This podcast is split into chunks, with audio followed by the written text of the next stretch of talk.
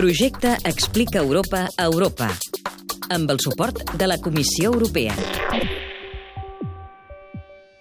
La Comissió Europea considera que Turquia ha fet importants avenços en l'àmbit legislatiu per tirar endavant el procés de pau amb els independentistes kurds i amb la decisió d'avui vol reconèixer l'esforç.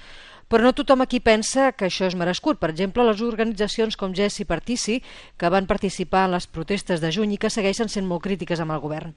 L'expert en relacions internacionals Ehmed Chubutchik reconeixia que el govern ha fet esforços i avenços no només pel que fa a la qüestió kurda, però que també hi ha un balanç negatiu que no s'ha d'oblidar. Yes, they make some democratic reforms, but it, Sí, s'han fet reformes i avenços, però també, al mateix temps, han intentat canviar la manera de viure de la gent. La pressionen aprovant laws, lleis com la de l'avortament, canviant el sistema educatiu. system. En general, l'anunci d'avui es considera una bona notícia, encara que, com ens deia Chubutchik, els turcs tenen molt clar que això és només un pas molt tímid, que queda un llarg i difícil recorregut per davant. Entre les qüestions conflictives, per exemple, hi ha el tema del reconeixement de la República de Xipre per part de Turquia. Però, de moment, per anar avançant feina, les negociacions amb la Unió es centraran en la política regional, que, tot i ser figues d'un altre paner, no són tampoc una qüestió menor.